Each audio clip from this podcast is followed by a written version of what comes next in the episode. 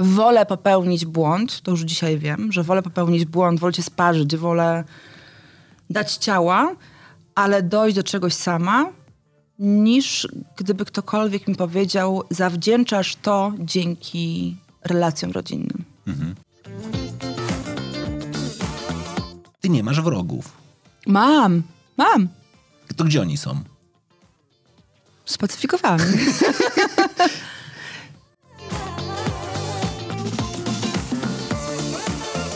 Ankiety pracownicze, które daje ci korporacja do wypełnienia, nie, są Nie, nie mów, że wypełniła się szczerze. bardzo szczerze. Dlatego mówię wszystkim, wszystkie surveys, wszystkie ankiety, które musisz zrobić w pracy, w korporacji, dużej korporacji, przemyśl 100 tysięcy razy, zanim klikniesz baton send. Herra on Air. Wywiad rzeka z tymi, którzy płyną pod prąd.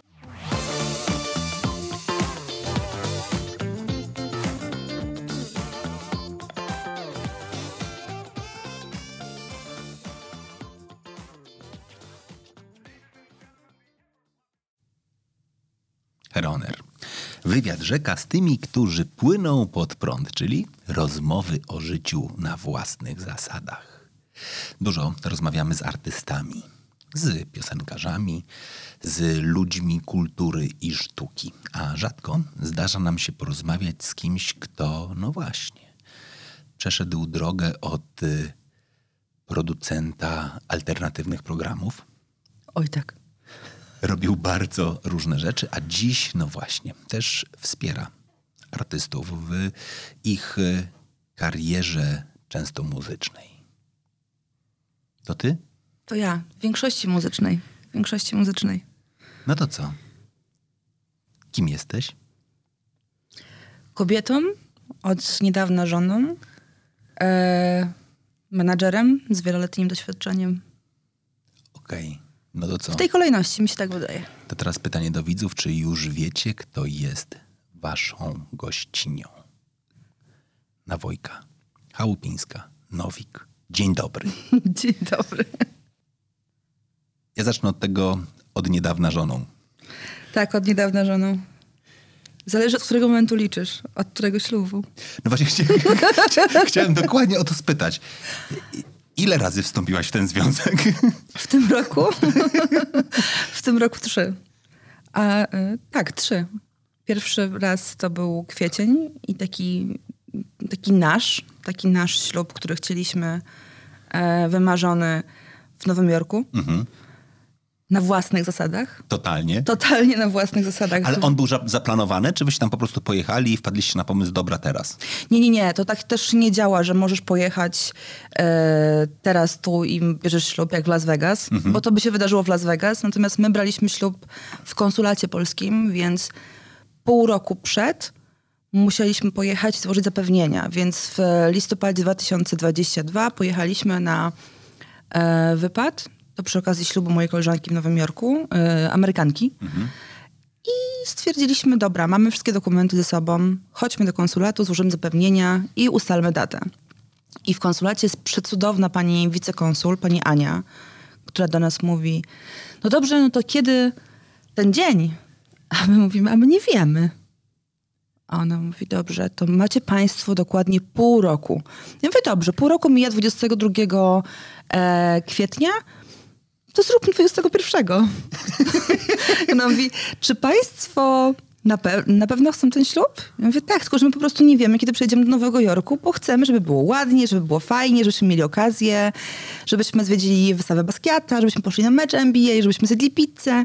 Więc my dzisiaj, na tam 22 listopad, nie wiemy, kiedy my chcemy ten ślub. No mówię, okej, dobrze, no to wpiszemy, najwyżej państwo wyślą mi maila tam w ciągu tego pół roku, kiedy dokładnie chcecie ślub. No więc tak się stało, że spakowaliśmy manatki. Przez te pół roku pojechaliśmy na Kostarykę na cudowne wesele naszych przyjaciół z Norwegii, mm, Hermana i Marii. I wracając z tej Kostaryki, to był styczeń, ja mówię do mojego narzeczonego, mówię, ja chcę mieć wesele. Ja jednak chcę mieć to wesele, ja jednak chcę zaprosić tę bandę tych naszych porąbanych przyjaciół, tą naszą rodzinę jednak chcę mieć to wesele po prostu. On mówi, no ale co robimy z Nowym Jorkiem? Kawa, kawa nie wyklucza herbaty. Ja mówię, no co, no robimy i to, i to. Mówi, ale wiesz, no doskonale wiemy, jakie to są koszty. Ja mówię, kochanie, żyjemy tu i teraz, nie zabierzemy pieniędzy do grobu. Robimy i to, i to. No i zostało i to, i to. Ten nowojorski był jak bardzo kameralny. Był bardzo kameralny, bo jak zaczęliśmy informować naszych przyjaciół i rodzinę o tym, że bierzemy ślub w Nowym Jorku, to było dziś na święta Bożego Narodzenia 2022, no to nagle się okazało, to my pojedziemy z wami i to my pojedziemy z wami. My zapłacimy sami, a my po, pojedziemy z wami. I się nagle zebrała garstka 12 osób, którzy, których bardzo kochamy, ale umówmy się, z tej naszej małej, kameralnej, dwuosobowej uroczystości zaczęło się robić spęd ludzi. I wyszliśmy z założenia z Patrykiem, że nie. Mówimy wszystkim, słuchajcie, nie chcemy was. Nie chcemy, żebyście z nami jechali. Bu. Chcemy to przeżyć tak, jak my zaplanowaliśmy. Wiesz, bo w pewnym momencie robią się oczekiwania. Ten chce zrobić to, ten chce taką kolację, ten chce inną e, kolację, ten chce pójść tu, ten chce pójść tam, ten, ma- ten ma pomysł na sukienkę, ten ma pomysł na buty, ten ma pomysł na uroczystość. I to już nie jest to, co ty chcesz. No więc e, powiedzieliśmy wszystkim nie. Mm, nikt się nie obraził. Za to dziękujemy i bardzo dziękujemy, że uszanowali naszą decyzję. No, bierzemy świadków.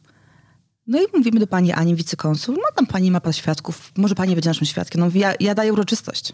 Ja, daję, ja przysięgę ściągam od was, więc no, ktoś musi być. Ja mówię, to weźmiemy panią sprzątającą, pana kuriera czy kogokolwiek innego i będziemy mieć świadków. No i jak się o tym dowiedział mój, mój kuzyn, no to było ojoj. Musicie mieć ludzi, którzy są bardzo bliscy wam, żeby wtedy z wami byli. No i los chciał, że przy okazji coś tam się wydarzyło w Nowym Jorku, gdzie Tomek był, ja, my byliśmy w tym samym czasie, no i bęc, no i mamy świadków, którzy są członkami naszej rodziny. Ale pierwotnie mieliście naprawdę taką gotowość, żeby Tak, wziąć tak. świadka do wynajęcia? Tak. Nawet myśleliśmy o tym, żebym miała wziąć kogoś z firmy, mm, znajomych po prostu, z którymi się kumpluję w pracy, żebyśmy e, mieli, ale to się zaczęło, wiecie, na zasadzie pierdzielenie z tłumaczem, bo to musi być polskojęzyczny tłumacz dla Amerykanów. Oni muszą wiedzieć, co oni podpisują.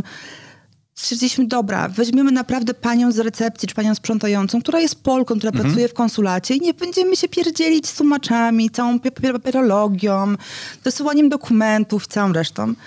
No i jak później się okazało, że Tomek z Kamą będą naszymi świadkami, wszystko poszło bardzo płynnie i bardzo, bardzo prosto. To jest w ogóle moim zdaniem, jeżeli ktoś nas słucha, moim zdaniem genialny pomysł na taki startup. Absolutnie świadek do wynajęcia, czyli w każdym miejscu na świecie ludzie mówiący w danym języku, taki, taki portal społecznościowy pod tytułem Znajdź świadka w Nowym Jorku, który To byłoby super. na, na przykład mówi po hiszpańsku. To albo byłoby na super. przykład mówi po Znaczy to, że mówi, to jest jedna rzecz. Musi mieć obywatelstwo. Okej. Czyli musi mieć dokument tożsamości świadczący, że jest narodowości tej jak para młoda. Totalnie. Tym, tym bardziej uważam, że to, to się powinno Słuchajcie, tyle. Polaków na Green Pointie, że to cholera Ale może myślę, wybierać. znaczy myślę sobie, że w ogóle, ponieważ generalnie jakby śluby robione poza granicami swojego kraju stają się coraz bardziej popularne, Totalnie. to dla wszystkich, którzy chcą to przeżyć bardzo kameralnie, intymnie, tylko w dwie osoby, posiadanie tej instytucji świadka, którego po prostu można zdobyć, e, bo jest akurat obywatelem tego kraju, z którego pochodzisz w danym mieście. Wow, to może być naprawdę całkiem spoko. Taka nasza klasa świadków. Kurczę, super. Grono. Grono. Gr- No, ja gro- jestem z tego pokolenia, co zna grono. Co zna grono? Nie, nie będę ci wypominał, z którego jesteś pokolenia, ale tak znasz grono. Nawet byłaś dorosła, jak było grono. Nie, nie, nie, poczekaj, poczekaj. Pomiędzy nami naprawdę jest sporo różnicy, wiesz? Ty jesteś siekierka, siekierka, co nie? Tak. 7-7, no ja jestem 8-5. Pięknie. Gówniara. No. A to już teraz nie, to jest takie... Nie no, ju, ju, Widziałam śwież- Już jesteś, jesteś dwojga nazwisk, to już nie, no. Tak, jest, widziałam śm- śmieszny i prześmieszny mem em, gdzieś na TikToku, tak używam TikToka. E, dziewczyna 2004 rocznik, pokazuje zdjęcie USG, że w 2024 będzie mamą. I nagle, taki, nagle jest taki flashback, laska 1989, a ja nadal boję się nastoletniej ciąży. Więc powiem ci, że coś w tej głowie jest, że ja mentalnie nadal mam 26 lat. Muzyka. E, tak, muzyka na pewno. Muzyka, e, praca z młodymi ludźmi, młodymi artystami, młodymi ludźmi ode mnie z firmy. E, koncerty, koncerty, koncerty i koncerty. To pięknie. No dobra. Ale na razie mamy za sobą ten ślub nowojorski, ale jednocześnie później był pomóc na wesele. Ono też nie było takie, wiem, widziałem je w mediach społecznościowych. Nie było takie normalne wesele. Ojejku, no bo to, to jest trochę tak, że w życiu idziesz na kompromisy. Dość duże kompromisy. I to, że było wesele, to jest jedna rzecz. Mhm. Bo przed weselem jeszcze był ślub kościelny. Okej. Tego nie było gdzieś tam widać na socialach. E, dzień przed weselem, 20, e, dzień przed weselem, czyli w czwartek, em, dla rodziny, dla rodziców e, przygotowaliśmy e, mszę w kościele. Poznaliśmy fantastycznego księdza. Księdza Tomasza, którego bardzo polecam na pogrzeby, imprezy, na wszystko. To jest taki showman, że ja będąc w kościele byłam tak rozluzowana, byłam tak po prostu nakręcona pozytywnie, pomimo mojego nastawienia do instytucji kościoła w obecnych czasach. Mm, Ja jestem osobą, osobą wierzącą, ale nie praktykującą, więc dla mnie instytucja jest zaburzeniem w ogóle wszystkiego. E, Ten gościu jest chodzącym po prostu sztosem. On nas ugościł na plebanii, ja wypaliłam paczkę fajek ze stresu. On mówi, to może ci winka naleje jeszcze.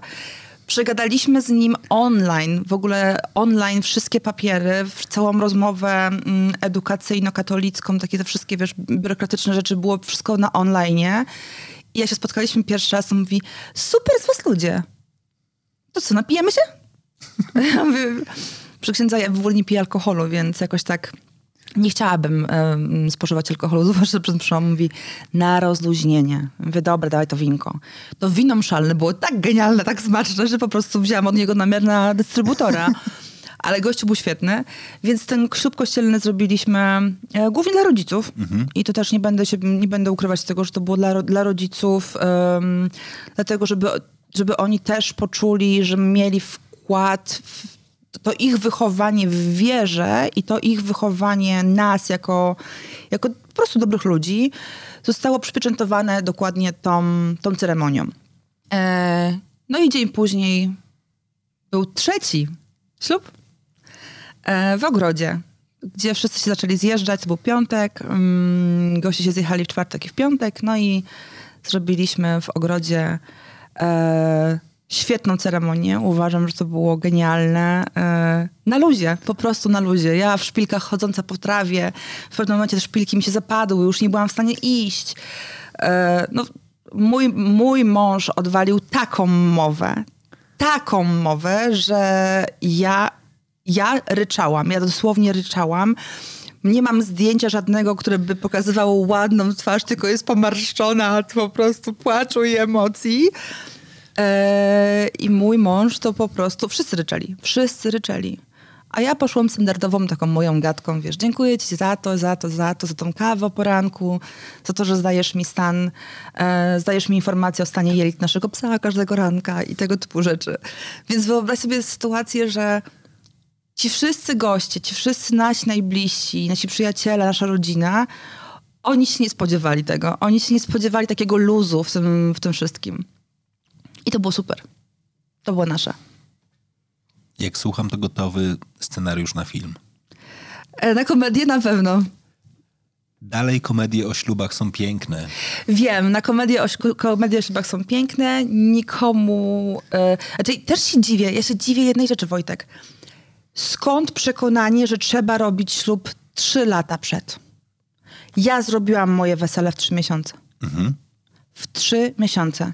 Miałam przecudowną wedding planner, która, mi- która mi pomogła, pani Madzia, którą całuję, kocham nad życie i stała się moją najlepszą kumpelą przez ten okres weselny.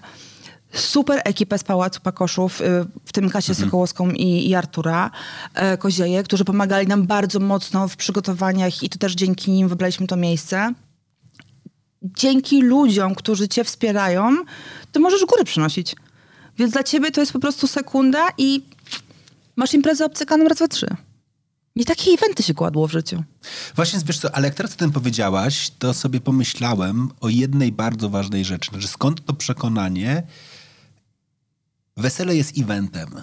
To jest event, tak. Moim zdaniem, ja jednakże 20 lat robię w eventach, to kiedyś mieliśmy takie przekonanie, że eventy trzeba długo planować. Znaczy, moim zdaniem również dlatego, bo e, trochę nie umieliśmy wyceniać inaczej niż poprzez pokazanie, jakie to jest trudne, czasochłonne i na tym trzeba bardzo, bardzo, bardzo długo pracować. I robiliśmy je z bardzo dużym wyprzedzeniem. Później wybuchła pandemia, COVID. Przeszliśmy w wielu miejscach, mówię na razie o eventach korporacyjnych, ale też muzycznych, pokazach mody i tak dalej do online'u. I później wróciliśmy i ponieważ żyliśmy w świecie ciągłej niepewności, tak? Znaczy nie można było planować już eventu na 9 miesięcy do przodu, bo nikt nie wiedział, czy za 9 miesięcy będziemy otwarci, czy zamknięci, więc się nauczyliśmy robić eventy tu i teraz. Takie, wiesz, moment pod tytułem spotykasz się z klientem i klient mówi, dobra, Co trzy tygodnie. za trzy tygodnie. I kiedyś byśmy mu powiedzieli, nie, nie ma szans, nie, trzy tygodnie to się nie da, to się, to, to, to, tak, tak, tak, tak się nie uda. A- Ale- A, nagle to, to, ten, ta presja czasu powiedziała, no dobra, warunki są jakie są. I się udaje. Tak? Znaczy one wychodzą naprawdę bardzo dobrze i dzisiaj nawet bardzo często o tym rozmawiam z moją partnerką, jak się zmieniło moje życie. Tak? Jak je, ja dzisiaj żyję w pewnym sensie w jakimś stresie takim chronicznym, jeśli chodzi o wypełnienie kalendarza. Ja przed pandemią żyłem w modelu, że miałem kalendarz zapełniony na minimum 18 miesięcy do przodu. Dzisiaj mam kalendarz zapełniony na miesiąc do przodu i później bardzo często jest pustka i on się, on, on się oczywiście wypełnia na bieżąco, Ale z dnia na dzień. tylko no, nie wiem, dwa tygodnie temu miałem w piątek event robiony dla klienta, na który zapytanie dostałem w poniedziałek. Tak, wiesz, pod tytułem, hej Wojtek, Wcale się nie dziwię. czy, czy, czy wpadniesz wystąpić?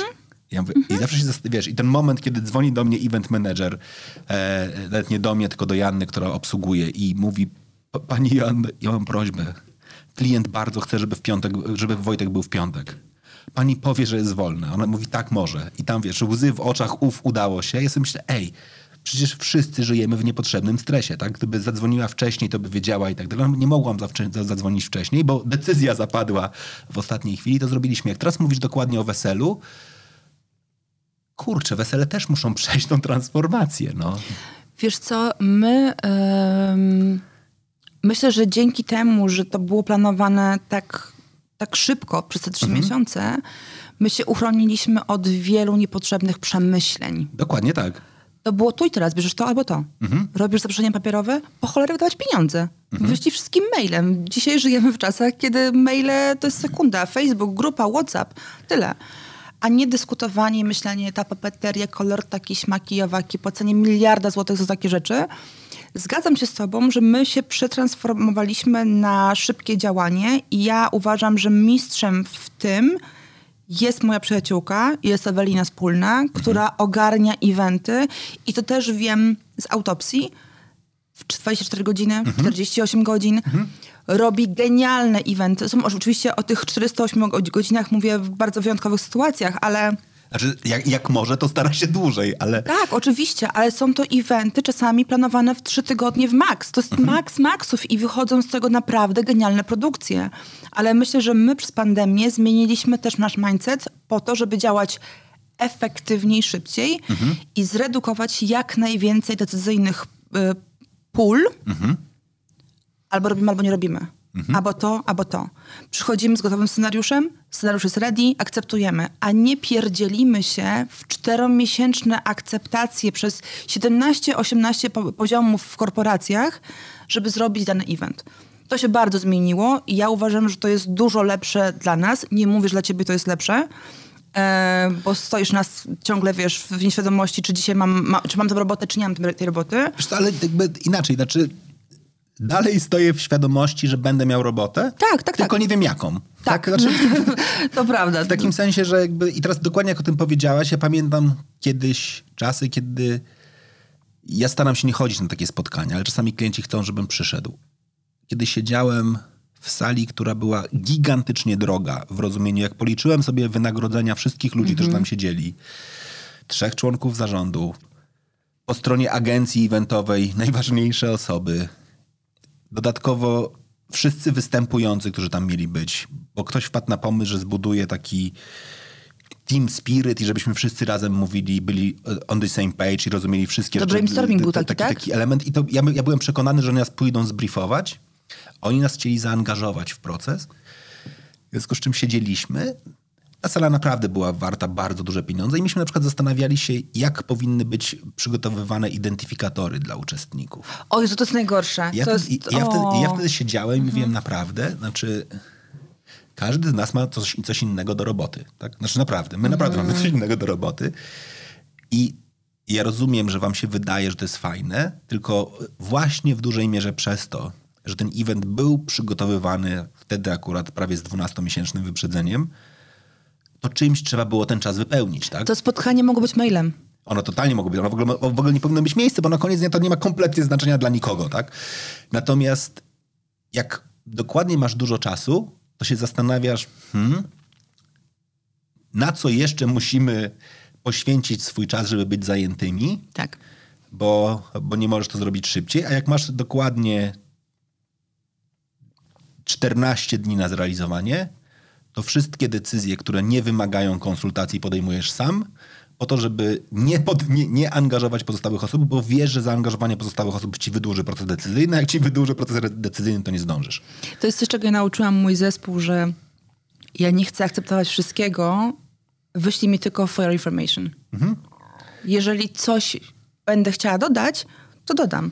Ale nie dawajcie mi opcji dodawania czegokolwiek, bo muszę, bo wtedy się robi kolejny krok, kolejny moment, kolejne zaburzenie całej, całej przestrzeni.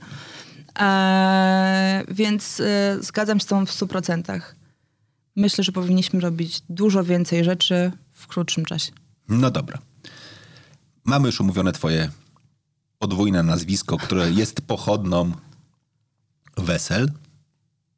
Umawiając się na to, jesteś osobą, która miała w życiu tyle samo wesel, co ja, tylko ja miałem wszystkie z innymi żonami, więc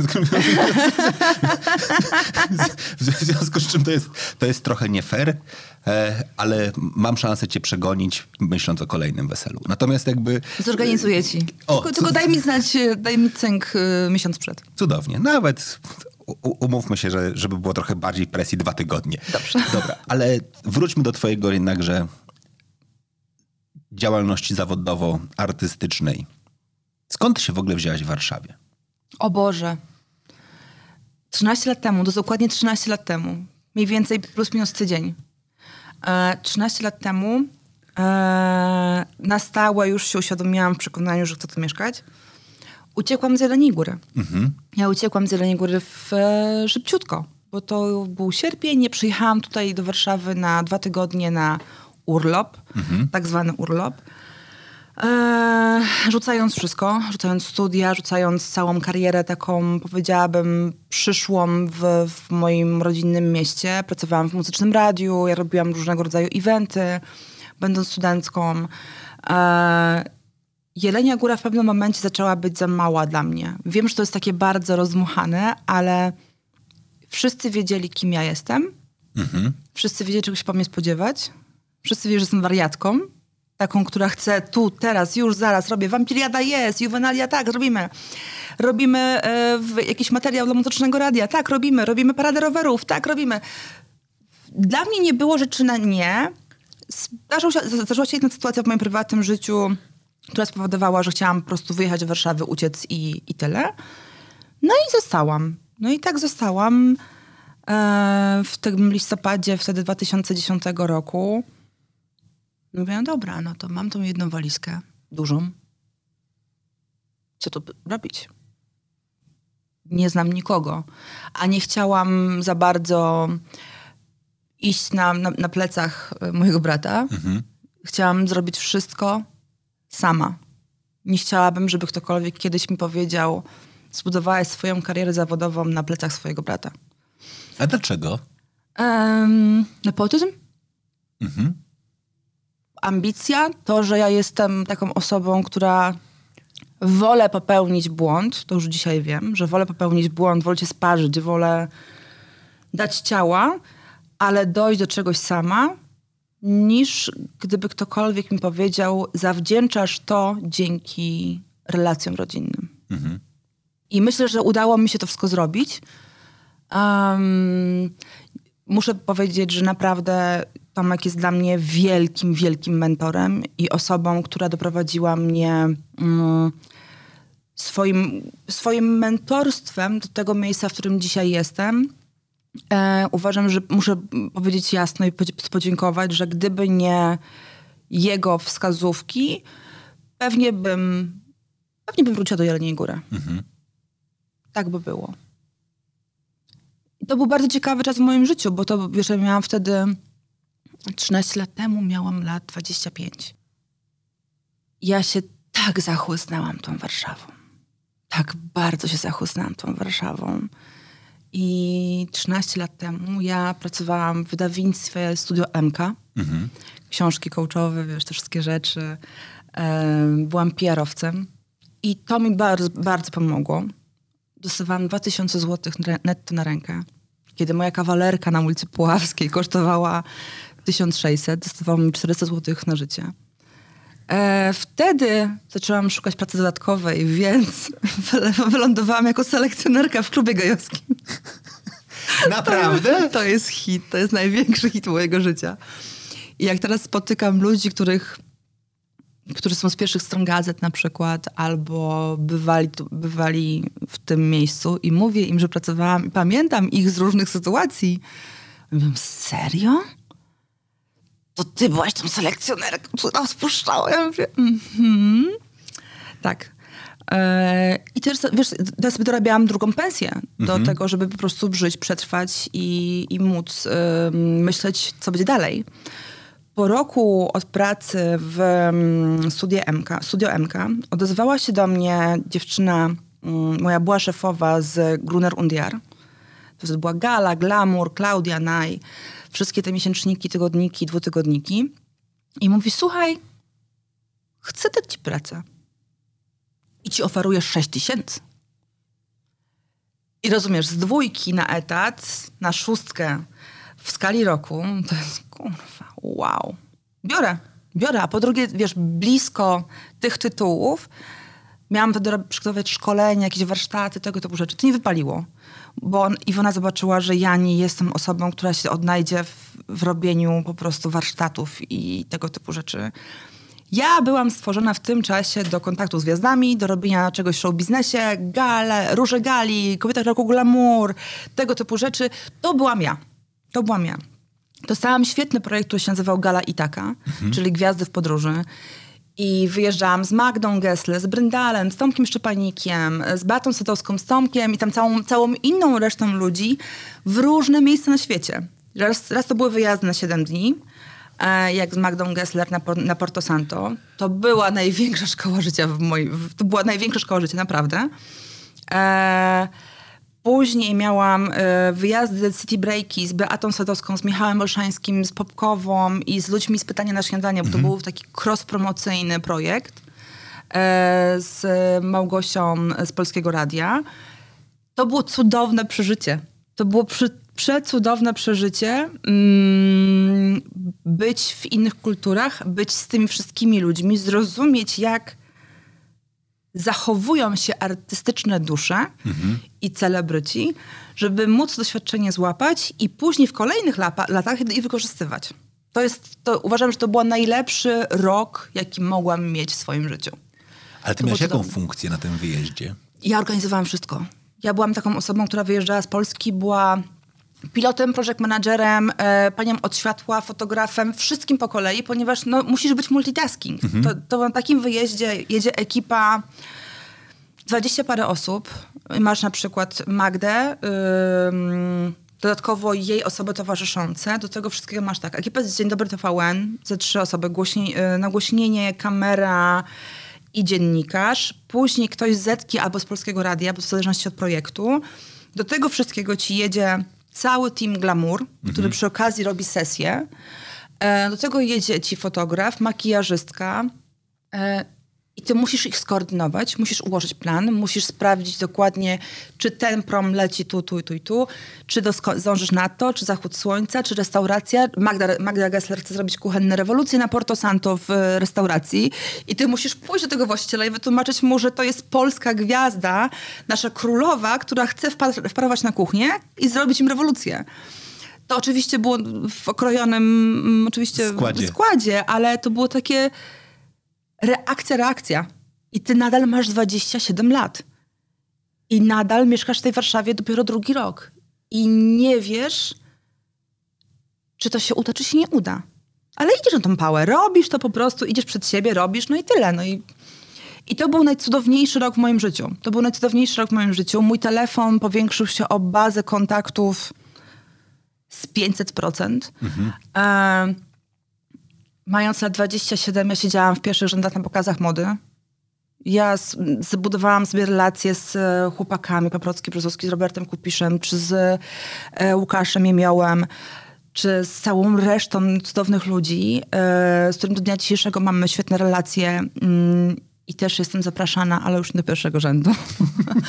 Em, Zbudowałam relacje z wieloma firmami, które były sponsorami, partnerami e, podczas eventów, które produkowaliśmy.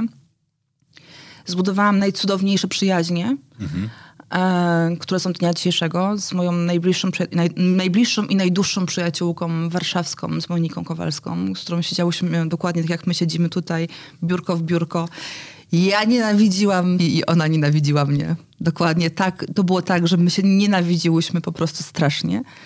E, a dziś się przyjaźnimy i to jest najcudowniejsze, co może być.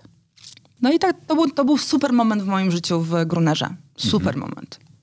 Myślę, że dał mi najwięcej, z, z, najwie- najwięcej w tych takich młodych, młodych latach. Jak o tym opowiadasz, to trochę szykując się do tej rozmowy, ona ewoluowała bardzo długo. Znaczy, dziękuję ci bardzo w ogóle, że wrzuciłaś media lata. społecznościowe. Ile, i, ile czasu staramy się ze sobą porozmawiać. E, mogę cię e, niestety zasmucić. Nie jesteś osobą, na którą najdłużej czekałem w życiu. O, Tak, Karolina, czyli moja partnerka, bardzo często mówi, "W- Wojtek, ja ciebie nie rozumiem. ja bym po drugiej odmowie powiedziała, to się wal, nie będę z tobą gadać. Ty- ale u nas nie było tak. To było takie zawsze, ej, wpadnij do mnie. ale to, Mówię, ogóle to wpadnę do ciebie. Ale to tak, ale to tak dokładnie jest. Znaczy, ono, Wojtek, jak ty to robisz, że ty czasami po roku do kogoś piszesz i mówisz, hej, może teraz? Ja mówię, no normalnie, no po roku, po roku piszę, może teraz. No jakby w ogóle to, że ktoś mi mówi, że nie przyjdzie, to w ogóle nie, nie biorę tego trochę personalnie, to w ogóle nie wynika z tego, że on nie chce do mnie przyjść, tylko mówi, nie mam czasu. Znaczy nie ma czasu, też często nie mam czasu. No jakby No każdy nie ma czasu, ale y, y, też jest tak, że wiesz, że my się widzieliśmy na Helu, bo przemazaliśmy się 10 tysięcy razy i ostatnia wiadomość, jaką pisaliśmy, to było Nagra- hej, nagrajmy na- na na Helu, jak będę na urlopie. No ale ten, ten urlop był, znaczy ten rok był zły, bo dużo padało i było głośno na Helu. Znaczy, z, z perspektywy nagrań było tak. Nie, ale ja chcę coś, coś innego, bo ja faktycznie bardzo często ty niezwykle często pojawiasz się w moim życiu w rozumieniu, a to z kimś rozmawiam i wspomina o tobie, a to gdzieś się pojawia. I jest jedna rzecz. Ty nie masz wrogów. Mam, mam. To gdzie oni są? Spacyfikowałam. Nie, no każdy z nas ma wrogów, każdy ma z nas osoby nieprzychylne i e, ja staram się eliminować taką, takich ludzi swojego życia, po prostu. E, zakończyłam bardzo dużo dziwnych, różnych relacji, które się pojawiły na przestrzeni tych 13 lat, no głównie warszawskich, no bo to umówmy się, to jest żyjąc tutaj, żyjemy w tak dziwnym, mm, takiej dziwnej bańce, gdzie każdy dla siebie jest wrogiem, każdy próbuje coś udowodnić, każdy tutaj coś będzie robił, a ja jestem osobą, która nie będzie nikomu udowadniać. Ja nie muszę udowadniać, ja udowadniałam przez x lat, czy jestem dobra, czy nie jestem dobra, czy komuś można zaufać, czy nie można zaufać. E, popełniłam dużo błędów w swoim życiu i też w życiu zawodowym. Nie będę tego, tego ukrywać, bo każdy też z nas popełnia. Ja popełniłam dużo fuck-upów. Mm, zostałam wyrzucona nieraz z pracy. E, też z Grunera mnie wyrzucili Dlaczego? ankiety pracownicze, które daje ci korporacja do wypełnienia, nie, są Nie, nie mów, że wypełniła się szczerze. bardzo szczerze. Dlatego mówię wszystkim, wszystkie surveys, wszystkie ankiety, które musisz zrobić w pracy, w korporacji, dużej korporacji, Przemyśl 100 tysięcy razy, zanim klikniesz baton send. Znaczy, to ja to, to wytłumaczę. To jest, te, te ankiety powinny się nazywać, to jest tak, jak babcia pyta cię po obiedzie, czy ci smakowało. Tak, bardzo. Znaczy, naprawdę, nawet jak się babci coś nie udało, to nie mów jej o tym. Tam nie będzie zrozumienia. Nie będzie zrozumienia kompletnie. Byłam, to był, to był cudowny moment. To był cudowny moment, to był taki moment, gdzie wszyscy zobaczyli w Grunerze, że ja jestem osobą, która faktycznie potrafi przynosić góry. Jestem dobrym PR-owcem. Więc nie było obsadzonego tego stanowiska i ówczesna prezes Magda Malicka, którą uwielbiam, którą naprawdę kocham, bardzo szanuję i uwielbiam nad życie, e, chciała dać tą pozycję lasce, która ma lat 27 szefa PR-u, kurwa, największego wydawnictwa w tamtych czasach, poza Edipressem, ba Bauerem, Burdą i całą resztą. Las, który ma 27 lat, która niecałe dwa lata jest w Warszawie. I przyszedł moment tych ankiet pracowniczych. No i tam było takie standardowe, a gdzie się widzisz za 5 lat, za 10 lat? Nie wiem, co mi kurwa strzeliło do tego łba, żeby napisać Prezesem. nie, nie, nie. To by było grube. To by było realne. E, będę przechadzała się po Piątej Alei w Nowym Jorku. Tak napisałam. Chcąc, nie chcąc, ta ankieta zatoczyła, tam było dużo takich wynegocjowawszy, jakichś takich używałam zwrotów, w ogóle jakichś takich... no To, to, to było, że chciałabym tą ankietę znaleźć i ją oprawić w ramkę, bo to było najlepsze, co mogło mi się trafić. I zamieściłam dokładnie 5 lat temu post na LinkedInie mówiący, oznaczając wszystkie te wszystkie laski, wiesz, z Grunera, panią prezes Magdę Malicką, Baśkę Topol, Iwonę Karpiuk, wszystkich tych, którzy byli, byli moimi szczeblami w tej karierze, że bardzo im dziękuję, że mnie z tej pracy wyrzuciły, bo dzisiaj pięć razy w roku jestem na Piątej Alei i pracuję dla międzynarodowej firmy i wnioskuję o przeniesienie do Nowego Jorku. I dzięki temu, że one mnie po prostu wyrzuciły z tej pracy, ja to realizuję. Bo ja wiedziałam, że tak będzie. Wtedy to było takie abstrakcyjne, wiesz, no, gdzie się widzisz za pięć lat? No wynegocjowawszy, no na Piątej Alei będę spacerowała i tyle. Okej. To było cudowne, ale przestrzegam, pamiętajcie o tym, że to jest jeden wyjątek, który, któremu kariera się później potoczyła. Różnie może być w życiu, więc naprawdę nie podchodźcie zbyt szczerze do ankiet pracowniczych. Skąd cię jeszcze wyrzucili? Mm, zetki. Zetki mi wyrzucili. E, ale to w sumie czułam i przyszłam do Rafała Leniczaka i mówię, stary, zrobisz to czy nie? Zrobisz czy nie? A on mówi, no skąd wiesz, że jest taki plan? Ja mówię, no Rafał, no nie jestem głupia, no. Dobra, ale czekaj, bo to jest ciekawe, bo ja chętnie rozwinę ten moment, skąd wiemy, że jest ten plan, bo tego nie da się nie czuć. Po, Oczywiście. Po dwóch stronach. I zanim ja powiem tutaj dzisiaj z perspektywy pracodawcy czasami, skąd wiadomo, że kogoś wyrzucę, to pytanie, skąd ty czułaś to wtedy? Po czym poznałaś? Em, to była bardzo unikalna sytuacja. To, to w przypadku Zetki, wiesz, jeżeli masz powody jasne do wyrzucenia pracownika, jeżeli wiesz, że nie wiem, nie maczuje ci z tym pracownikiem albo redukujesz miejsce pracy, to tam są takie, wiesz, przykłady niedawanie odpowiedzialności, niedawanie projektów, to delikatna taka, powiedziałabym, nie, może nie, nie manipulacja, ale odsuwasz pracownika coraz dalej, gdzie on ma to poczucie tego, nieprzydal, tego, że się nie przydaje już w tej firmie. Jeżeli masz argumenty i jeżeli wiesz, co co chcesz zrobić. W moim przypadku mój szef stanął pomiędzy decyzją zatrzymaniu mnie albo drugiej osoby, bo między nami był konflikt. No i on wybrał według niego mniejsze zło. Co rozumiem, co kompletnie rozumiem. E, I też, żeby była jasność, ja z Rafałem Olejniczakiem do dnia dzisiejszego jestem na zajebistych stosunkach. Z każdym moim szefem jestem w zajebistych stosunkach, się rozstawałam. Natomiast to był taki moment, że ja to czułam wszędzie. Ja to czułam w każdym centymetrze mojego ciała. Ja to czułam, jak koledzy, wiesz, reagowali. E, Ten konflikt był bardzo otwarty. To zakrywało mobbing, więc to już był udział HR-ów wrzucony.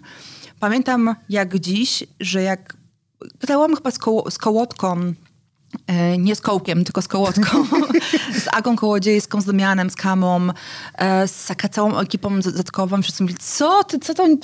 Przecież się nie wyrzucą z pracy. Ja mówię, zobaczycie. Zobaczycie.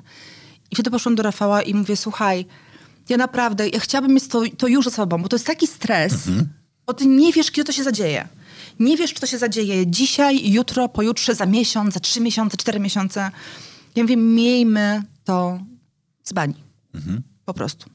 No mówię, dobra, no to... No to, to... No, szykujemy papierki i, i się rozstaniemy. Ja mówię, dobrze, tak zróbmy. Ale na moich zasadach. Więc ja przyszłam konkretnie przygotowana na to spotkanie. To piękne. To już ja nie mogę mówić z poziomu pracodawcy, skąd wiadomo, bo ty to wymieniłaś. Kiedyś do mnie dokładnie, ja do dziś pamiętam, jak przed mnie jeden pracownik, naprawdę Marek, pozdrawiam cię bardzo serdecznie. On przyszedł i powiedział, co, chcesz zwolnić Magdę? Ja na niego spojrzałem, mówię, Marek, skąd wiesz? Od dłuższego czasu przestałeś się do niej przypierdalać. Znaczy w takim rozumieniu, mm -hmm. ona, tak. ona dalej, nie wiem, popełnia błędy, a ty już nie reagujesz. -hmm. Ona na spotkaniu wpada z pomysłem, gdzie wszyscy wiemy, że ten pomysł nie jest dobry, a ty mówisz, dobra, rób to. Znaczy, przestało ci się chcieć, w takim sensie już jakby angażować swój zasób po to, żeby, e, żeby, żeby ją zmienić. I to, I to zawsze będę mówił. Teraz ja mam takie swoje własne powiedzenie. W momencie, kiedy składasz, czy też przygotowujesz wypowiedzenie, o, to najczęściej już jest kilka miesięcy za późno. Dotyczy to zarówno pracodawcy, jak i pracownika. Tak. Znaczy, pracownik, który przychodzi z wypowiedzeniem, mówi odchodzę, najprawdopodobniej zrobiłeś to kilka miesięcy za późno, bo ten impuls był znacznie wcześniej, byłbyś w zupełnie innym miejscu, jakbyś to zrobił wcześniej. Pracodawca, jak przygotowuje wypowiedzenie, też najczęściej zrobił to za późno wielokrotnie. W związku z czym, jak pojawiają się takie sygnały, warto je brać sobie do serca, mimo tego, że to nie jest, trudne, nie, nie, jest łatwe. To nie jest łatwe, ale ja wiesz co, mam pytanie do ciebie. Jak ty się odnajdujesz w tej sytuacji? Bo ja jestem w momencie teraz, yy, no niestety jest taka sytuacja, że mamy, mamy globalnie zwolnienia i w fintechach, i, i w techach, i w tym całym rynku. Ty jako menadżer, jak sobie radzisz z tym? Bo to jest też duże obciążenie dla ciebie.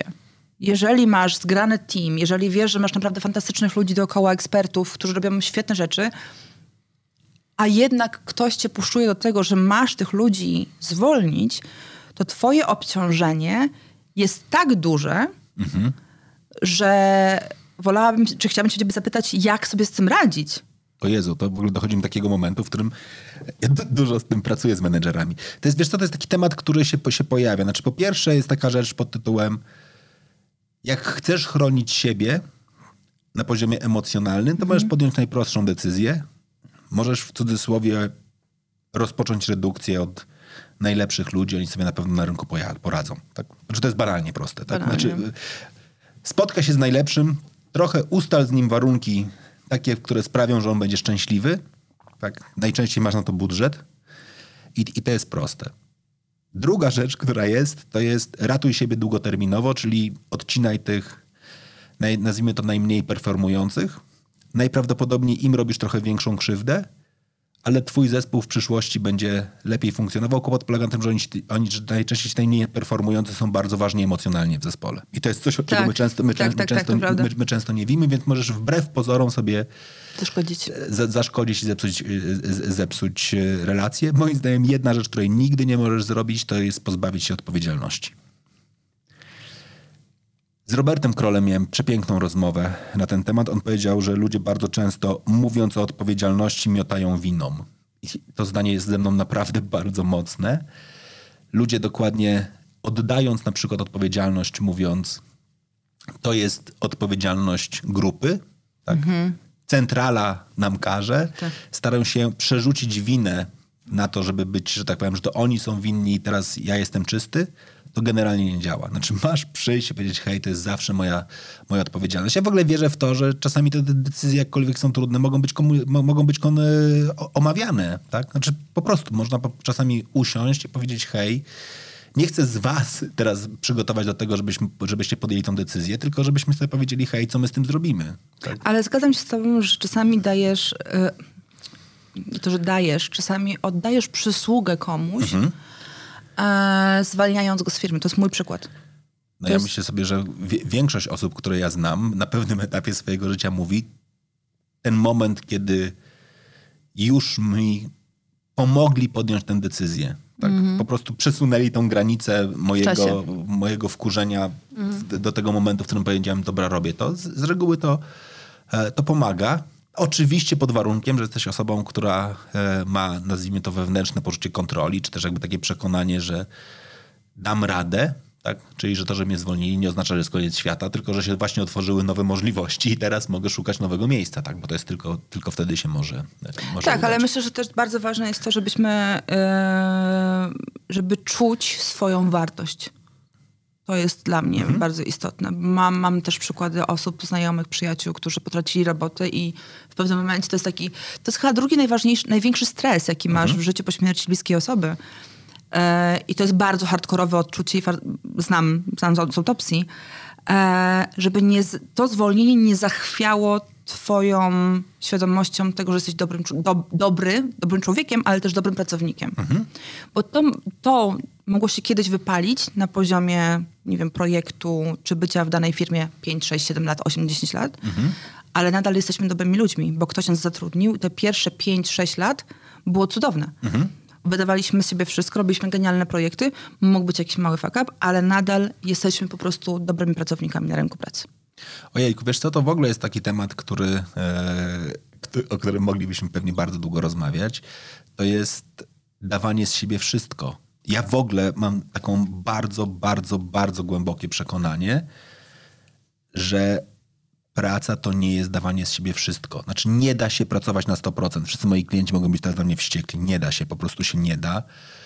Robert, najcudowniejszy menedżer, e, z którym bardzo często rozmawiamy na ten temat, on mówi, Wojtek, to jest bieganie maratonu. Znaczy, sorry, jak masz przebiec 40 kilometrów, to nie możesz biec każdego, biec każdego kilometra w trupa i na maksa. Znaczy, nie zatrudniasz mm. ludzi, którzy ten... I teraz my bardzo często o tym zapominamy, tak? Znaczy, my trochę zapominamy o tym, że zatrudnili nas w naturalny sposób. Na początku dawaliśmy z siebie maksa, ale kurde, no nie ma. Znaczy ja uważam, że w zdrowym takim modelu, nie zabijcie mnie teraz, powinno się pracować na maksa 60%. No. Znaczy ten, ten moment jakby to jest zdrowsze dla wszystkich, tak? Ja wiem, że korporacje tego nie lubią, bo korporacje chcieliby, żeby każdy z nas pracował 150%, ale to się zawsze skończy przepaleniem. Nie da się inaczej, po prostu się nie da. I jak patrzę na to jest w ogóle ciekawa historia, to znowu miał być z tobą wywiad. Ale ostatnio, ostatnio ktoś mi napisał, za co bardzo serdecznie dziękuję na Instagramie, że słuchają rozmów i napisał mi taki chłopak, powiedział, hej, bardzo bym chciał, żebyś poprowadził rozmowę z seniorem, czyli z moim ojcem. Ja znam pana Marka, tam byłem jego wieloletnim pracownikiem i to byłaby piękna rozmowa. Ja wtedy w ogóle się pobeczałem. Tak sobie mm. myślałem, wow, dlaczego ja nigdy na to nie wpadłem, żeby nie poprowadzić rozmowy z własnym ojcem. Mój ojciec jest faktycznie bardzo ważny, jeśli chodzi jakby element zawodowy. On przepracował w jednej firmie całe swoje życie. I to Podziwiam ich To jest taka, wiesz, to jest mm. przepiękna jakby kariera w rafinerii gdańskiej, później grupie Lotos i tak dalej. Zaczął mając kartę ma numer jeszcze dwucyfrowy, tak? Znaczy karty pracowniczej, tak? Czyli jakby jest w pierwszej setce zatrudnionych pracowników, e, który, który tam dołączył, no i skończył przechodząc na emeryturę e, po wieku emerytalnym, czyli po ponad 40 pracach, e, latach, 45 latach pracy w jednym miejscu, tak? I absolutnie uważam, że jego sukces w dużej mierze wynikał z tego, że on, okej, okay, pracował bardzo dużo, ale w pewnym momencie swojego życia odkrył, że nie musi się zajeżdżać codziennie. O czym my zapominamy bardzo często. Szczególnie jak, jak wchodzisz na poziom e, stanowiska już nazwijmy to albo bardzo specjalistycznego, albo menedżerskiego. Tak? Bo rozumiem, że jak jesteś samodzielnym specjalistą, jeszcze bez pomysłu na to, żeby się rozwijać i chcesz po prostu robić swoją mm -hmm. robotę od do, to jest ok. Ale jak wchodzisz na taki moment pod tytułem będę robił karierę, to do głowy ci przychodzi taka myśl pod tytułem, kurczę, to może by ją zrobić zajeżdżając się. Nie, to nie jest dobry pomysł. Znaczy, po prostu to nie jest dobry pomysł. Jeżeli chcesz robić karierę długoterminową, to musisz dbać o to, żeby mieć zawsze coś jeszcze do, do zrobienia w przyszłości. No to.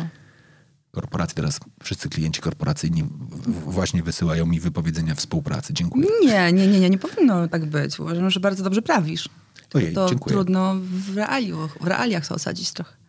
Powiem o sobie, powiem o sobie, bo e, zgadzam się, że nie powinno się pracować i biegać maratonu i każdego kilometra robić na Survivor. E, natomiast e, ja jestem żywym przykładem tego, że tak się zadziało. I to się zadziało tak, że ja pracowałam 125%, czasami 150%. Do tego stopnia, że skończyło się na Xanaxie. I na, wiesz, na uspokojeniu się i na wyciszeniu. I to było bardzo niebezpieczne. Bardzo niebezpieczne z punktu widzenia mojego zdrowia. Pracuję nad tym, żeby była jasność, pracuję nad tym, bo uważam, że to, co ci powiedziałam na samym początku, że ja czuję się dalej mentalnie mając lat 25-26. I ja myśla, myślę, myślałam do tego momentu, tego, tego załamania, takiego, tej, tej presji, która w, w końcu ze mnie schodziła, że ja nadal mam te 26 lat. Nie I masz? dam rady. Ni cholery ja już nie mam tych 26 lat. I ni cholery nie powinnam już nikomu udowadniać. I powinnam się skupić na tym, co jest ważne. A to stanowisko jest rzeczą nabytą. Ta firma jest rzeczą nabytą. Jest świetna, jest super, uwielbiam, uwielbiam pracowników, e, wszystko to, co robię w tej firmie.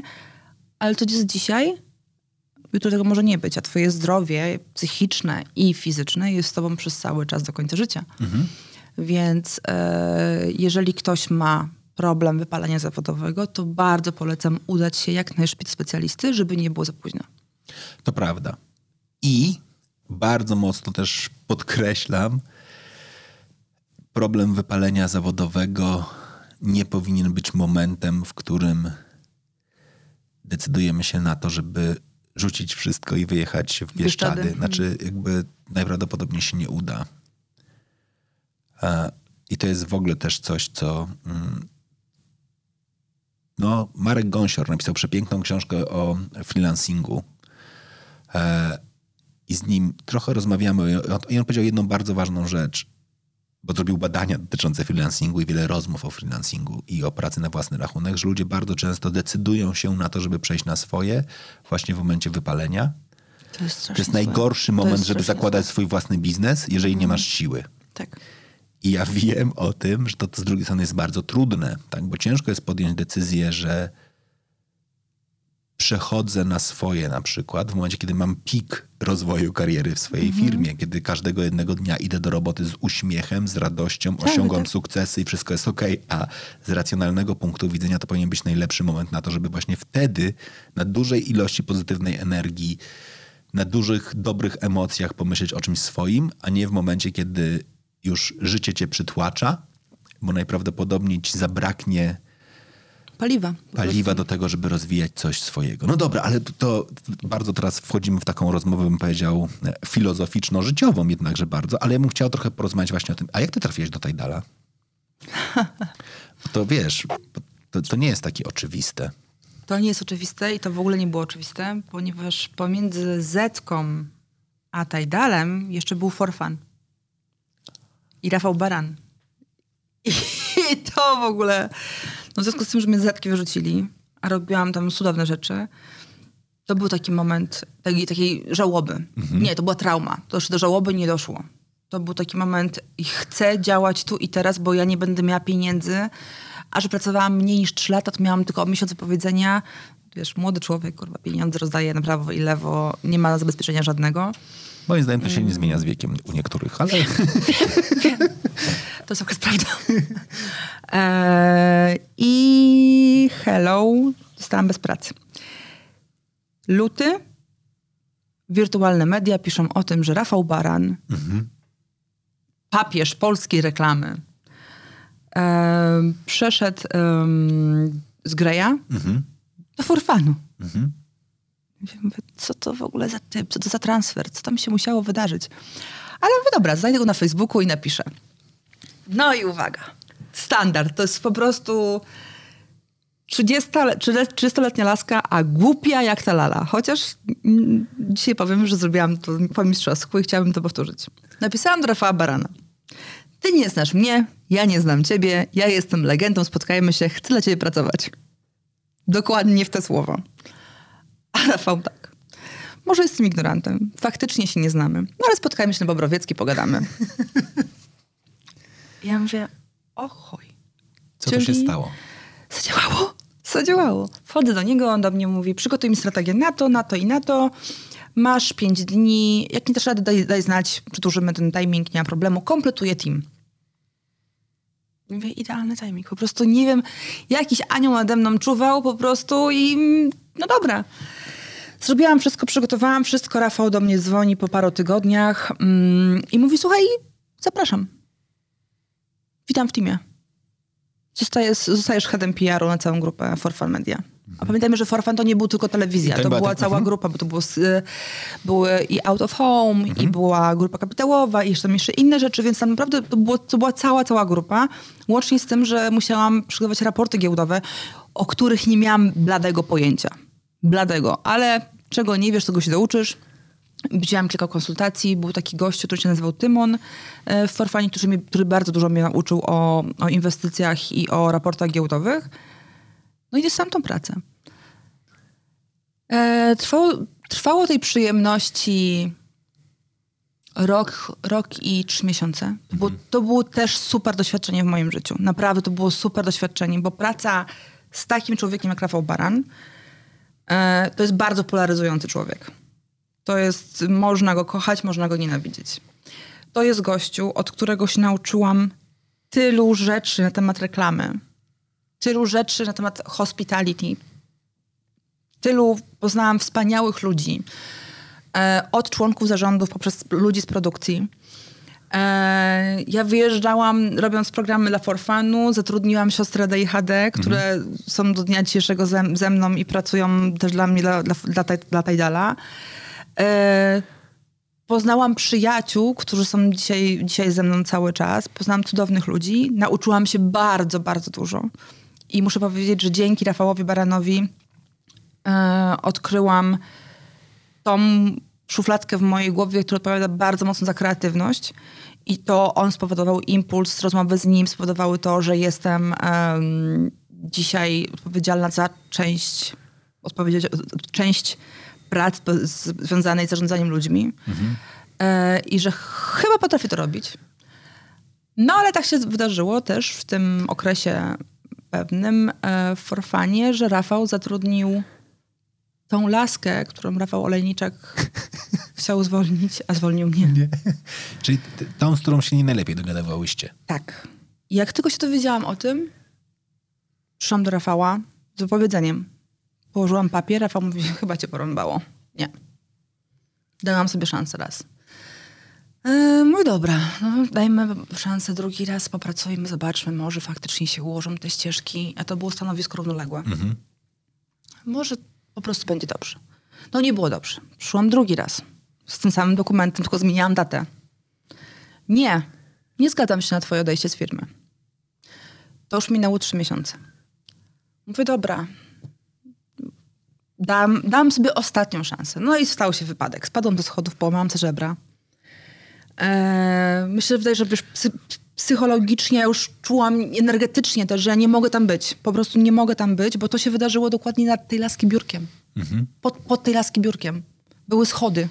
Ja się z tych schodów spadłam. Ja się łam- łamałam. I ja mówię, ja nie, ja nie mogę tam być. Choć kocham tych ludzi, kocham tą firmę, kocham tego człowieka, nie mogę tam być.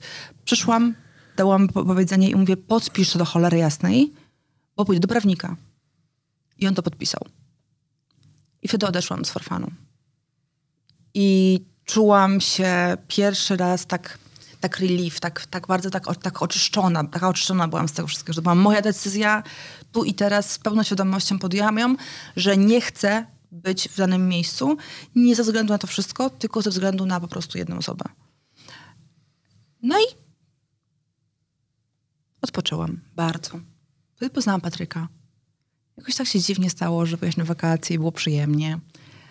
Eee, mówię, e, kurde, cholera, fajnie jest. Jestem pełna energii. Jestem pełna energii. Otworzę swoją firmę. Hello! Otworzę swoją firmę. A co mi tam? Co mi szkodzi?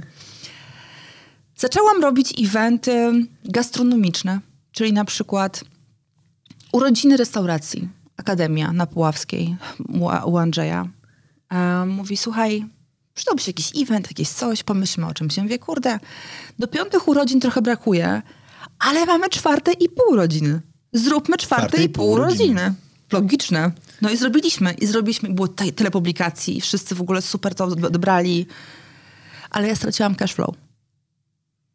Bo zainwestowałam wszystko, co mogłam zainwestować w jeden event, w produkcję. No ale to wiecie, płatności trzeba wykonać już zaraz za 90 dni. Ktoś ci zapłaci za 90 dni, ty nie masz płynności finansowej. Zaczęła się robić dupa. Dostałam kolejne zlecenie, które myślałam, że mi przykryje to i otwieraliśmy bar Charlie na Mokotowskiej e, z Piotrkiem Klimczakiem, który dzisiaj jest właścicielem Joela. Joel, Joel, tak się mówi, Jo- Joel. E, też była super świetna energia, super pi- piękne otwarcie, w cholerę publikacji, piękna ścianka, którą wymyśliliśmy z liści. Super, super, super. Ale to pogłębiało tylko mój brak cashflowu. I to był moment pod tytułem, dobra, zatrzymajmy się, spłacajmy to, co mamy za, za zaległości, wyjdźmy na zero i nie pakujmy się w to kurwę ani razu więcej. Bo to kosztowało mi dużo nerwów. Pomimo tego, że byłam nakręcona, miałam dużo energii, pomysłu, byłam w fajnym momencie swojego życia, natomiast to było takie, okej, stop. stop, stop, stop, stop, stop. Przemyśl to, nie jesteś gotowa na to wszystko. Musisz mieć trochę zabezpieczenia, żeby odwalić swoją firmę. Jestem pełna podziwu dla dziewczyn, moich przyjaciółek, które mają swoje firmy, które roz, rozkręcają biznesy, bo to jest naprawdę kawał, kawał, kawał roboty. Dobrej roboty. No i to się zadziało. Pojechałam sobie na... Y, zadzwonił do mnie mm, jeden z członków zarządu y, P, P4. I Mówi, słuchaj, jest taka firma, nazywa się Tidal i szukają kogoś w Polsce do pracy i chcemy cię zarekomendować. Ten człowiek, znasz go, bo też bywa w- tam, gdzie my bywamy. Ja wiem, kto. I mówię, okej, dobra, luz. I nikt się tam nie odezwał przez miesiąc. Mówię, dobra, olałam temat. Po czym odbieram telefon, widzę, że ktoś dzwoni ze Stanów i to był taki skam, takie skamy, wiesz, mówię, nie odbieram, będę odbierać takich telefonów, skamy, albo z Azerbejdżanu, albo z Ugandy, wiesz, nagle ktoś niby Now- Nowy Jork. Po cholerę by do mnie Nowy Jork dzwonił. E, dobijał się parę razy, po czym dostałam maila na moją prywatną skrzynkę, dostałam później SMS-a, oddzwoń, coś tam, coś tam. Nazywam się Lior Timon. Nie mówię, dobra, wygooglowałam gościa, mówię, kurwa, jakiś CEO, Tidala, dobra, pewnie szycha. Zadzwoni, oddzwoniłam, pogadaliśmy, do mnie mówi, no dostałam rekomendację e, twojej osoby od, e, od P4, ponieważ już wtedy był ten deal podpisany z nimi. E, pogadajmy. No i wrzucił mnie w ten cały kołowrotek siedmiu roz, rozmów rekrutacyjnych z siedmioma różnymi osobami w firmie. Co było kurde hardcorem. To było naprawdę hardcorem, bo ja byłam w takim momencie, że ja się wychowywałam pod niemiecką granicą, więc dla mnie język niemiecki był tym językiem pierwszego wyboru, a nie język angielski. I to był taki moment Ali ma, Ali chcieć. Dogadałam się jakoś. Większość przykładałam na maila. Um, takie zadania, tego typu rzeczy do, do rekrutacji. No ale minął, to trwało bardzo długo, to trwało z dwa miesiące, ten cały, ten cały proces. Ale też do niego podeszłam na takiej zasadzie, Jak się uda, to jak, dobrze. Nie, to doświadczenie fajne w życiu. Czy brałam udział w międzynarodowej fir- rekrutacji do firm? Nie. Dobrze wiedzieć, jak to będzie może kiedyś wyglądało.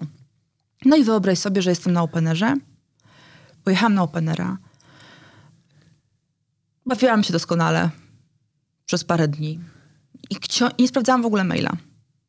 E, ciągle ktoś się dobijał ze Stanów, ale że ja byłam po prostu w dobrej zabawie, w takim moodzie, dobra zabawa cały czas, coś nie przejmowałam w ogóle niczym. No i w niedzielę, to pamiętam była niedziela po Openerze, coś mnie tknęło, że zajrzałam do maila i patrzę w tym mailu, tam jest tak. Ze 100 maili od Liora z question mark, question mark, question mark. Co się dzieje, czemu nie odpisujesz, czemu nie odbierasz. On, to jest gościu, którego uwielbiam i też mam z nim teraz zajebisty kontakt. Już nie pracuje u nas w firmie. E, to jest cholerykiem. Więc dla niego, jak nie odpiszesz w sekundę, to on już, on już się gotuje. U niego to już jest po prostu taki wkurw. E, ja z, zaczęłam odpisywać i skonstruowałam maila pod tytułem, że sorry, no po prostu tak się stało, nie inaczej. Był festiwal, cała reszta. Byłam znowu bardzo szczera. Nie obchodzi mnie to. Masz na, masz na, masz na mailu umowę. Ja nawet nie zapytałam się, wiesz, ja brałam udział w tym, tym procesie rekrutacyjnym, ja dawałam odpowiedzi te, które ich interesowały, ale nigdy ja nie zadawałam pytań. Co mam robić? I Na, zakres- na, nie, na jakich warunkach? zakres obowiązków czego ode mnie oczekujecie? Zakres obowiązków, ale nie, wiesz, nie interesowałam się wielkością firmy, nie interesowałam się wielkością biura, takich przyziemnych rzeczy, takich podstawowych rzeczy. I on wtedy do mnie mówi, dobra, dogadamy się później, masz tą umowę, wszystko. Wysłałam do mojego kolegi prawnika, on mówi do mnie, nie podpisuj tego. Ni cholerę nie podpisuj, to jest na prawie amerykańskim. Jeżeli to podpiszesz, to żadne świadczenia polskie nie będą ciebie dotyczyły. Nie możesz tego podpisać, a w ogóle nawet gdybyś chciała. Ja ci skonstruuję nową umowę. I on mi skonstruował, wiesz, na, par, na prawie polskim, bo wtedy oni mieli oni wtedy, nie, Tajta wtedy, wtedy nie miał spółki jako takiej tutaj w Polsce, więc oni nie mieli prawnika, z którym mogą się skonsultować. Wszystko zrobili przez Global, Aha. co jest też zrozumiałe, no ale to nie działa. Z mojego punktu widzenia byłabym na bardzo złej pozycji, przegranej pozycji. On to skonstruował, ja wysłałam im, a on, ale ja odpisuję i mówi, co to jest? Ja wiem, moja umowa. Albo mnie chcesz, bo mnie nie chcesz, to jest mój kontrakt. Mhm. No i sprawdzili, podpisali. Zatrudniliśmy się 17 lipca 2017 roku. Przychodzę do firmy. No i widzę pomieszczenie wielkości e, takiego pomieszczenia na szczotki. Mhm. Dwa na trzy. I dwa biurka, w, nie, trzy biurka w środku. Jest Adrian, Kasia i ja. Na ulicy Złotej, nad tarasami. Mhm. Przynajmniej widok z okna był fajny, tylko kopuły. I mogę mówić, pracuję na Złotej jak Judyta, wiesz, z, z, tego, z, tego, z tego fajnego filmu. E, ja mówię, o Boże Święty. Dzwoniłam do Patryka i mówię wtedy, ty nawet nie wiesz, co ja się wpierdoliłam. A on mówi, poczekaj, masz trzy miesiące próbnego. Po trzech miesiącach powiesz albo tak, albo nie. Mhm. No i tak jestem sześć lat. Sześć lat jestem w tej firmie. Jestem w szoku, że tutaj jeszcze, jeszcze, jeszcze, tu, jeszcze tu jestem.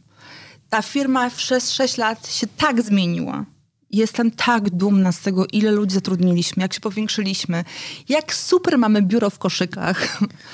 Um, ile rzeczy robimy teraz dla artystów, jak, jak wiesz, ze streamingu i z przynoszenia hajsu, hajsu robimy rzeczy dla artystów, wspieramy ich w rozwoju, dajemy im wszystkie narzędzia.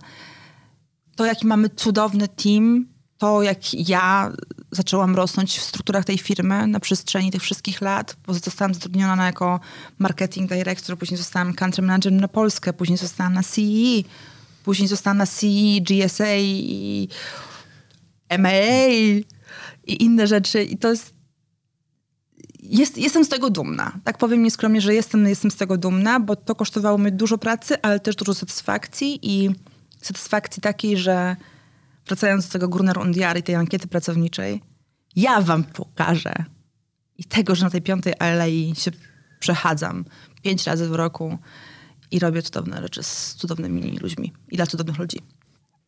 Jaka jest rola w ogóle platform streamingowych w dzisiejszym świecie artystycznym?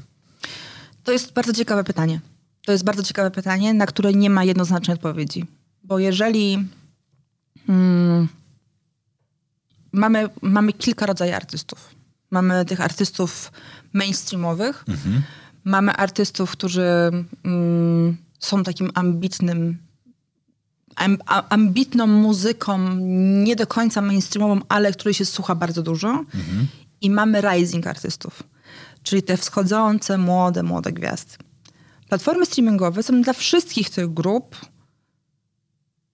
dystrybutorem po prostu ich muzyki do bardzo dużej ilości słuchaczy. To jest największa rola platform streamingowych. Natomiast to się zmieniło na przestrzeni ostatnich dwóch lat, że każdy ze streamingów, dużych streamingów, stara się znaleźć swoją niszę. Stara się znaleźć swoją taką grupę wiernych użytkowników, którzy będą chcieli też wspomagać artystów. Mhm. I nagle w tym wszystkim pojawia się Tidal. Cały na biało. Z projektem Tidal, Tidal Rising który daje tym wszystkim młodym artystom, tym wszystkim młodym artystom z całego świata. E, a najbardziej już dzisiaj z Polski i ze Stanów, bo projekt został wylączowany na razie na dwóch rynkach, możliwość pełnego finansowego wsparcia i my od nich nic nie chcemy. My dajemy tym młodym artystom hajs z, z informacją idź i wydaj tak, jak go chcesz. My od ciebie nie chcemy nic w zamian. Po prostu dajemy ci narzędzie do tego, żebyś mógł rozwijać swoją karierę. No i mamy Dominikę Płonkę, mamy Astera, mamy Kajetana, mamy y, Afekty. czwórkę naszych finalistów pierwszej, pierwszego narybku tych artystów w naszym projekcie, których wybrała Katarzyna Rogalska, nasz edytor, pod względem muzyki, którzy dostają nie tylko hajs, ale i całe wsparcie marketingowe, całe wsparcie PR-owe, całe wsparcie merytoryczne od prawnika poprzez y, ludzi od finansów, ludzi, którzy zajmują się touringiem, czyli jak zorganizować sobie trasę koncertową. Dostają wsparcie od nas dotyczące całego sprzętu, czyli kontakty zniżki do Yamaha, do AG, do całej, do całej infrastruktury muzycznej, którą potrzebują. I dostali od nas też w e, takim, powiedziałabym, no w prezencie, w, pie, w, pierwszym prezencie, wyjazd do Nowego Jorku na pięć dni na Artist Summit, gdzie mogli poznać tych ludzi z tego samego projektu ze Stanów. I się z nimi skrosować i zrobić z nimi kolaborację. Mhm. Pogadać, wymienić się opiniami. Pamiętajmy, że rynek w Stanach jest troszeczkę innym rynkiem. Mhm. To jest tak nasturowany rynek muzycznie, że tam robiąc coś na TikToku, stajesz się gwiazdą sekundę. Mhm. Tam, jeżeli ktoś ma 100 tysięcy followersów na Instagramie, to się równa 3 tysiące followersów u nas. Mhm. U nas nasi artyści mają dużo trudniej wybić się i zrobić karierę niż w Stanach. Mhm. Więc to, co my słyszymy od, od, od tej piątki, ponieważ afekt są dwie dziewczyny, Basia i Helenka, e, oni są mega wdzięczni za to, że oni, że oni dostali te narzędzia. Jak to się potoczy? Nie wiem. Czy pójdą w dobrą stronę i czy zainwestują te pieniądze dobrze? Nie wiem. Ale dam ci przykład. Dominika Płonka. Rzuciła pracę. Laska rzuciła normalnie regularną pracę, ponieważ dostała to wsparcie finansowe z naszej strony, czyli to był też jeden z elementów, i skupia się teraz na tworzeniu swojego albumu. To jest to jest coś takiego, co mi daje, wiesz, takie motyle w brzuchu pod tym, ej, kurwa, robicie dobrą robotę. Mhm. Robicie fajną robotę. Aster, który wrócił z Nowego Jorku, za sekundę, za kilka dni, nie mogę mówić kiedy, e, wypuszcza swój nowy singiel z teledyskiem kręconym w Nowym Jorku. Wtedy, kiedy był z nami. E, Kajetan, to jest, uważam, uważam, że Kajetan to jest gościu, który będzie miał karierę międzynarodową w dwa lata to, jaki to jest nasz Kajtuś, nasz dzieciak, jaki on jest mądry, jaki on jest cudowny, jaki on jest wspaniały. Ja ci mówię, mówię autentycznie, muście wejść na jego profil, Kajetan Wolas i zobaczyć, jak on gada. To jest chłopak do, skru, do schrupania, który brał udział w kampanii antydepres antydepresji, e, brał udział w różnego rodzaju projektach z Martyną Wojciechowską. Jest świetny i my też mu daliśmy to małe, czyli to finansowanie, żeby mógł rozwinąć swoją karierę. Ja bardzo wierzę, że dzieciaki pójdą, mówię dzieciaki, bo to są mhm. młodzi ludzie. E, ja mam 38 lat, więc jestem stara. E, pójdą w dobrym kierunku i będą wiedzieli, gdzie ulokować te pieniądze i te wszystkie resursy, które my im dajemy. To jest, to jaram się tym. Jaram się tym bardzo, po prostu.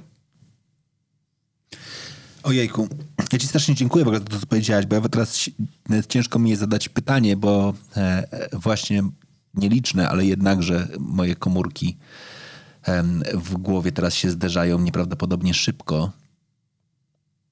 Ja w, ogóle, ja, w ogóle tego nie brałem pod uwagę, wiesz? To jest niesamowite, ale jakoś dziwnym trafem ja pominąłem rolę waszą w kategorii dokładnie wsparcia dla młodych artystów, a właśnie sobie uświadomiłem, że to jest największa zmiana, która za, zaszła na świecie.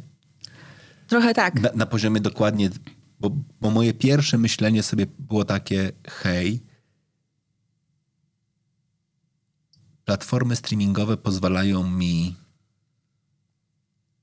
dotrze, w łatwy sposób opublikować moje treści. Tak? Znaczy, kiedyś jak chciałem nagrać płytę z, kumplami, to było bardzo ciężko, bo trzeba było ją nagrywać, nawet jak ją nagrywałeś, to dystrybucja była niemożliwa, mhm. bo, bo tego nie było. Później pojawiły się platformy streamingowe. I to bardzo prosto idzie. Bar, bardzo prosto Czyli dystrybucja mo, możesz to zrobić, ale dalej brakuje wszystkiego innego. Tak? Brakuje takiego wsparcia profesjonalnego, mhm. marketingowego. Bycia w dobrym tego słowa znaczeniu marketplace'em na rynku artystycznym w rozumieniu, że z jednej strony łączymy artystów właśnie z całym Z rynkiem. fanami. współ- ale nie tylko fanami, ale też współpracując, to powiedziałaś, tak? Znaczy na tym rynku jednakże jeszcze są producenci instrumentów, studia nagrań, wszystkie pozostałe. Ja w ogóle o tym zapomniałem. To ci zaskoczy, o jeszcze jedna, jedna rzecz jest, którą wypuściliśmy, my, i sorry, że tak brzmi jak, jak reklama, ale e, w, e, tydzień temu wypuściliśmy Tidal Collapse. I to jest ciekawa rzecz, którą też uwielbiam. Czyli ty jako Wojtek z Anina możesz odezwać się do, do nie, nie żartuję, do na przykład Alicji Keys, która będzie miała profil u nas napisać hej Alicia, uwielbiam twoją muzę, może nagrajmy coś razem. Czyli młody, ma, mały artysta może odezwać się do producenta albo do samego artysty przez naszą platformę, pogadać z nim i zrobić kolaps. Czad. Proste, proste, na zasadzie czatu. Możesz się z kimś zgadać. Będąc w Polsce, będąc w Rumunii, będąc, nie wiem, w Mozambiku. Ty możesz odezwać się do kogoś na przykład z Czech i powiedzieć hej, jesteś super hip-hopowcem, chciałbym coś nagrać. Albo odezwać się do producenta kogoś, powiedzieć słuchaj, czy słyszałeś już moje demo? Jezus, ale właśnie mi zryłaś banie. Znaczy, i to jest kolejny element układanki. Zaczęło się u mnie od e, rozmowy z Maxelonem, czyli z redaktorem, który, gdzie rozmawialiśmy o tym, jaka jest w ogóle rola redaktora przy pisaniu książki. I on mnie skierował do tego, żeby powiedzieć, hej, self-publishing jest fajny, tylko self-publishing ma jedną bardzo trudną rzecz, a mianowicie jak Wojtek Hera napisze swoją książkę, to w self-publishingu sprzedają tylko i wyłącznie do tych, którzy już znają Wojtka Tak. Hery. Znaczy nie, Nie do, pój- nie pójdziesz do nowych. Nie pójdziesz do nowych. Rozważ współpracę z wydawnictwem, wydawnictwa ci, wydawnictwo da ci dystrybucję.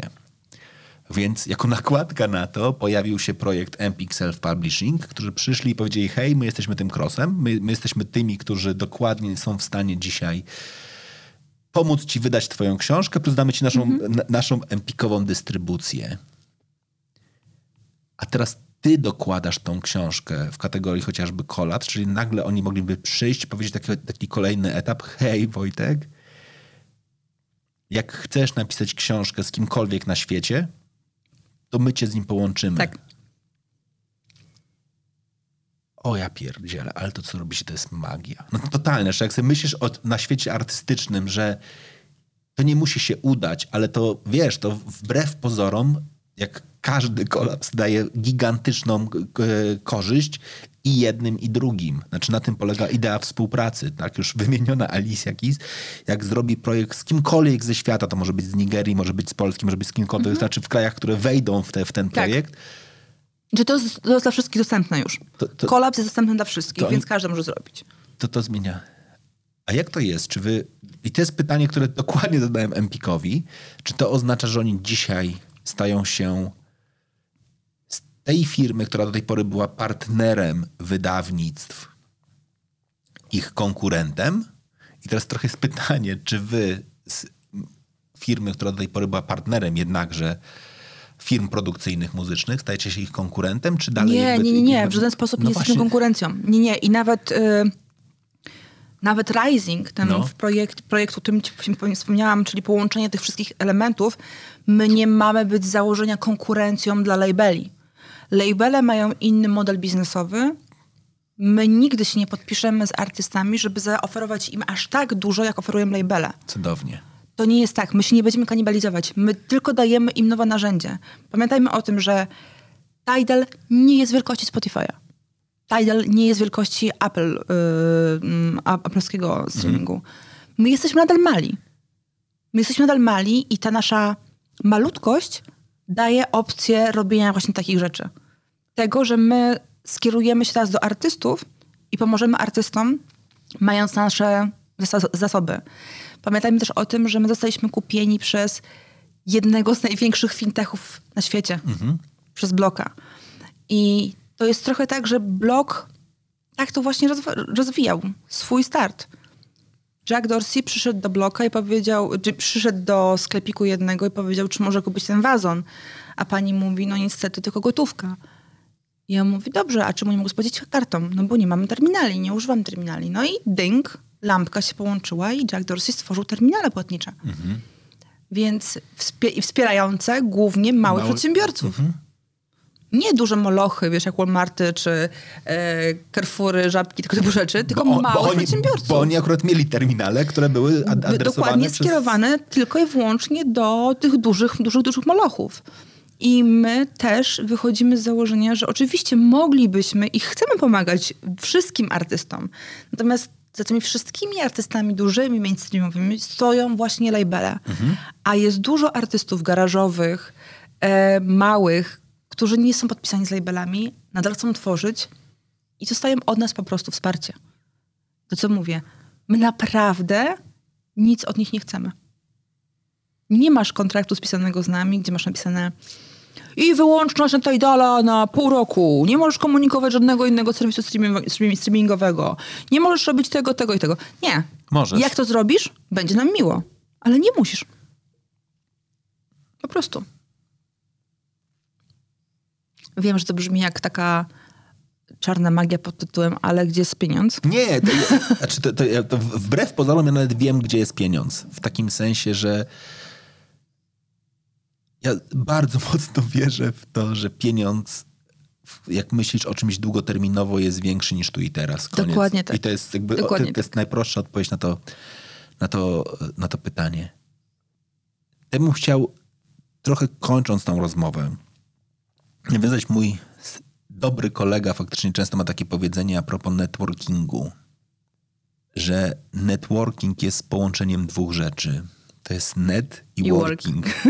Absolutnie. Znaczy, i teraz, bo ty powiedziałaś na pewnym etapie tej rozmowy, że powiedziałaś twój telefon i lista kontaktów, czyli ten net, urósł o kilkaset procent.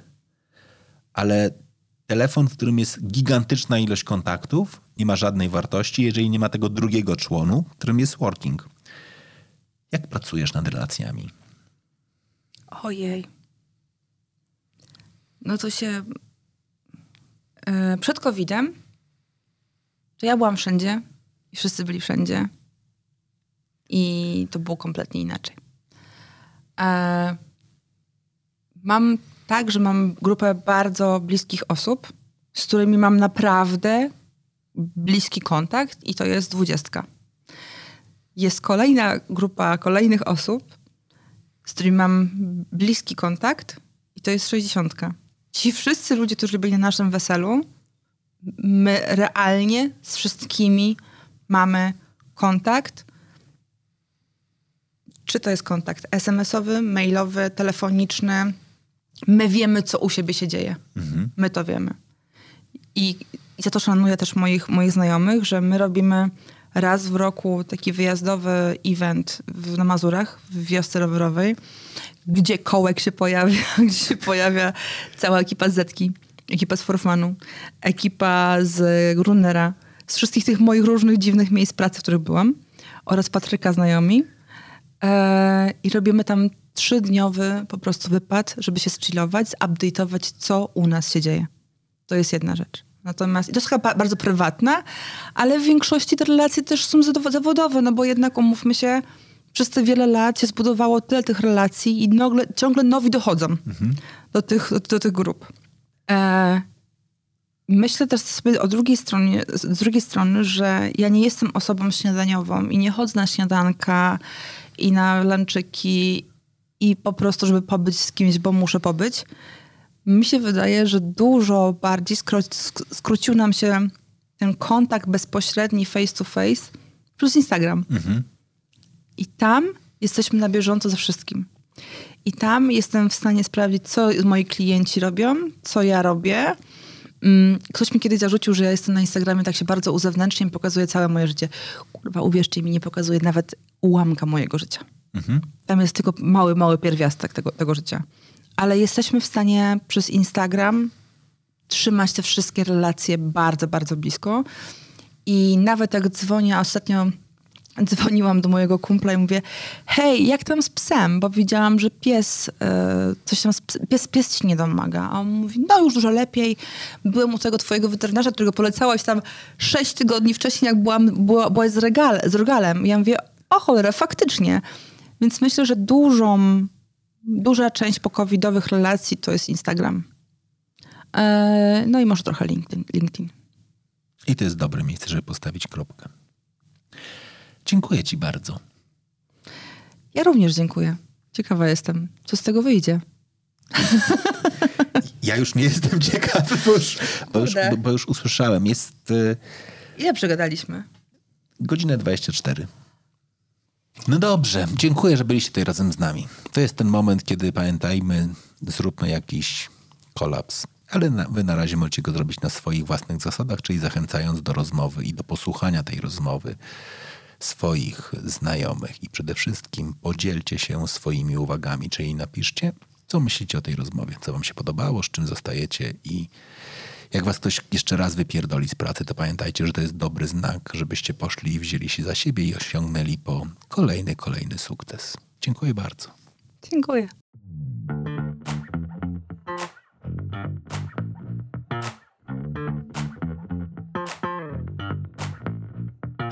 No to grubo.